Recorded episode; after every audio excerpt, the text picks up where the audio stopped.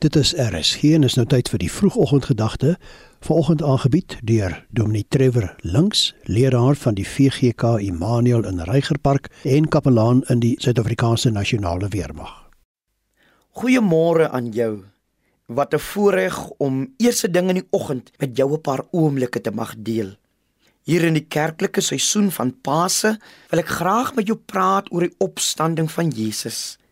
Nadat Jesus in Lukas 24 aan Kleopas en sy vriend verskyn het, toe hy by hulle aansluit op die pad na Emmaus, staan daar die volgende woorde in verse 28 en 29. Toe hulle by die dorpie aankom waarin hulle op pad was, het hy gemaak of hy verder wou gaan.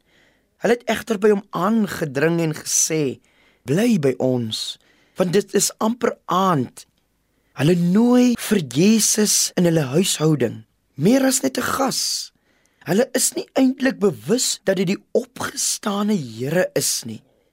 In die oorspronklike Grieks beteken dit eintlik dat hulle aandrang bly by ons, dui op maak woning by ons.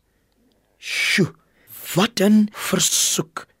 Onwetend nooi hulle nuwe lewe opstanding by julle woning in. Bly by ons.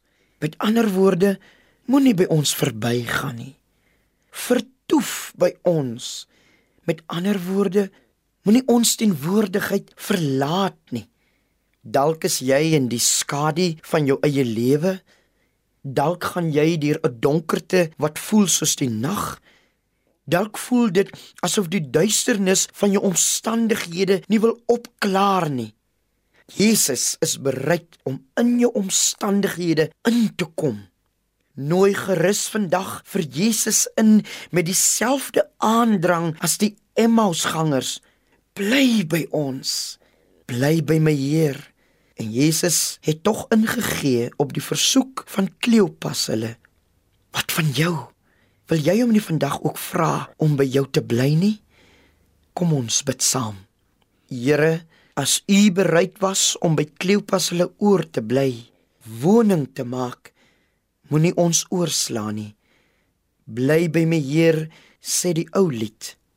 Bly ook dan nou by ons in hierdie dag. Amen.